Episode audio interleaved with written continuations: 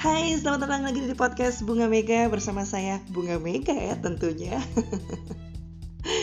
Dan seperti biasa, podcast saya ini selalu didesain kurang dari 15 menit, tempat di mana kita semua bisa saling belajar ya, tentang pengembangan diri, pernikahan, pengasuhan anak, percintaan, dan hal-hal sederhana di sekitar kita lainnya yang kita bisa belajar darinya. Hari ini saya ingin membahas dengan judul berteman dengan mantan. Oh, langsung nih, para bucin siaga satu. Tema ini kenapa saya ambil? Karena sempat waktu minggu lalu saya uh, melakukan IG live ya dengan help Mo, help Nona, yaitu sebuah girl movement, girls movement, adalah belepetan banget ngomongnya ya. Girls movement yang didirikan oleh uh, menti saya dan teman saya tuh Nika Nadia uh, yang fokus untuk mengedukasi para perempuan tentang kekerasan dalam pacaran ya jadi waktu itu sempat dibahas juga kalau pacar ngajak ngajak temenan itu kita harus gimana ya? Kan kita takutnya luluh lagi kak gitu. Oke jadi kita akan ngomongin tentang berteman dengan mantan. Baru aja kamu ini putus seumur jagung tiba-tiba sang mantan mengajak kamu berteman bagaimana nih seharusnya kamu bereaksi? Nah ini pernah saya bahas juga dulu di dalam buku cewek kuat jilid 2 ya judulnya uh, cewek kuat book 2 relationship guidance before you say I do. Itu di bagian akhir ada tentang ngomongin berteman dengan mantan. Tapi kadang kalau ditanya gitu kita harus gimana ya? Aku ada masih rasa sayang sih cuma aku pengen move on gitu. Nah um, satu hal yang paling uh, bisa kamu lakukan adalah berkata dengan tegas ya menjawab maaf tapi belum sekarang gitu ya. Jadi kenapa? Karena di momen seperti ini kan kamu lagi rapuh-rapuhnya ya mau maju masih tertahan, mau balik lagi kok sakit gitu. Jadi penting untuk kamu berada di dalam kondisi yang netral ya.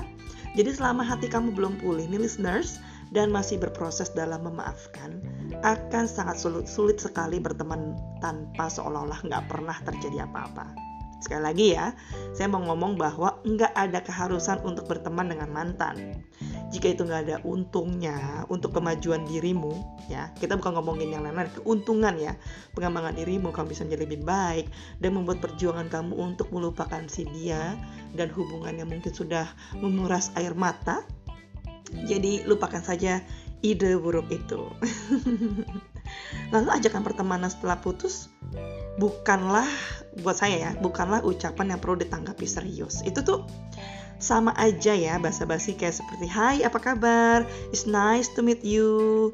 Udah lama nggak ketemu. Jadi um, ini tuh levelnya hanya artifisial gitu ya. Jadi nggak usah selalu Don't take it seriously. I know it is really hard buat uh, orang yang sedang heartbroken dan um, orang yang tiba-tiba kita masih sayang, kita harus bubar, tiba-tiba hubungin lagi kan kita merasa ada harapan baru ya. But bucin you have to know that bahwa pertemanan setelah putus bukanlah ucapan yang perlu ditanggapi serius, ya.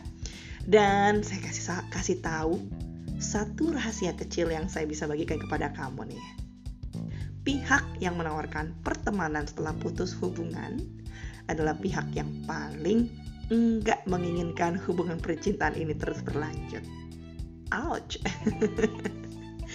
Lalu kalau tiba-tiba ya kak mantan ini kirim WhatsApp atau DM gitu di sosmed ya, mungkin karena dia udah di blok WhatsAppnya. Isi message tuh pendek banget. Isinya adalah I miss you and I still love you. Oke, okay, ini kalau kamu dapat um, kalimat sakti mandraguna seperti ini ya di saat kamu sedang ingin move on. Jadi jika hubungan kalian tuh bukan dipisahkan karena masalah yang pelik misalnya orang tua nggak setuju ya atau faktor perbedaan keyakinan atau dia sudah melanggar apa yang kalian sepakati ya dalam komitmen yaitu mungkin perselingkuhan, uh, penipuan dan hal-hal lainnya yang nggak bisa kamu tolerir, maka rasa-rasanya ya ketika dia mengumbar ucapan ini kok kayak rada nggak masuk akal. Seseorang yang bilangnya mencintai kamu, tapi sepakat memutus tali komitmen telah dijalani dan mungkin melakukan hal-hal yang buruk selama pacaran kamu dulu. Jadi jangan pernah terkecoh dengan kalimat aku masih mencintaimu ya. Jika sungguh-sungguh yang mencintai dan menghargai kamu, tentunya ia nggak akan membiarkan kamu pergi atau terluka. Kalimat I still love you menurut saya pandangan yang menurut pandangan saya ya sama bahasa basinya seperti ajakan ataupun tawaran perpisahan setelah eh tawaran perpisahan tawaran pertemanan setelah perpisahan kalau misalnya gitu ya kak aku dulu putus nih sama dia terus aku tanya gitu alasannya apa dan dia bilang kamu terlalu baik oke okay. ini ini ini adalah um, kalimat yang banyak suka dipakai ya sama sama orang-orang yang sebenarnya mereka yang melukai komitmen. Jadi kayak misalnya ngomong maaf ya yang kita putus soalnya kamu kamu tuh terlalu baik buat aku. Kalau saya pengen deh saranin kalian itu yang jawabnya gini aku terlalu baik. Oh jadi aku harus jahat sedikit ya? Atau punya selingkuhan? Biar kita tetap jadian gitu Kalimat kamu terlalu baik ini adalah kalimat terpopuler nomor dua setelah aku masih mencintaimu ya. Dan untuk sebuah alasan tetap pengen putus. kalimat ini nyatakan ketika seseorang yang pernah bersamamu mengalami penurunan nilai dalam dirinya terkait dengan keinginan untuk terus berkomitmen dengan kamu. Mereka sadar mereka ingin mengakhiri hubungan, tapi tuh nggak mampu menemukan kesalahan yang ada dalam diri kamu. Jadi emang they know that yang bikin kesalahan itu adalah mereka sendiri. Jadi alasan I still love you but you know you're too nice to me.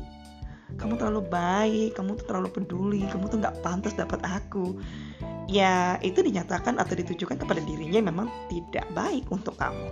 Mungkin dia sudah melakukan hal-hal tertentu yang tidak kamu ketahui atau sudah kamu ketahui dan you know lah orang kalau udah ketahuan kan nggak mungkin ya langsung mengakui semua kesalahannya.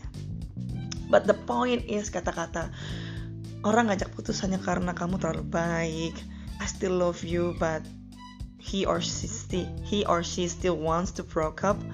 Itu kayak poinnya adalah kayak well kind of bored with this relationship aku bosen dengan hubungan ini dan aku rasa I got someone better than you well the point is kalau misalnya your ex say that jangan kecil hati dan merasa buruk ya karena pada faktanya ya memang kamu sungguh-sungguh sangat baik dan gak pantas untuk terus berhubungan dengan orang seperti itu.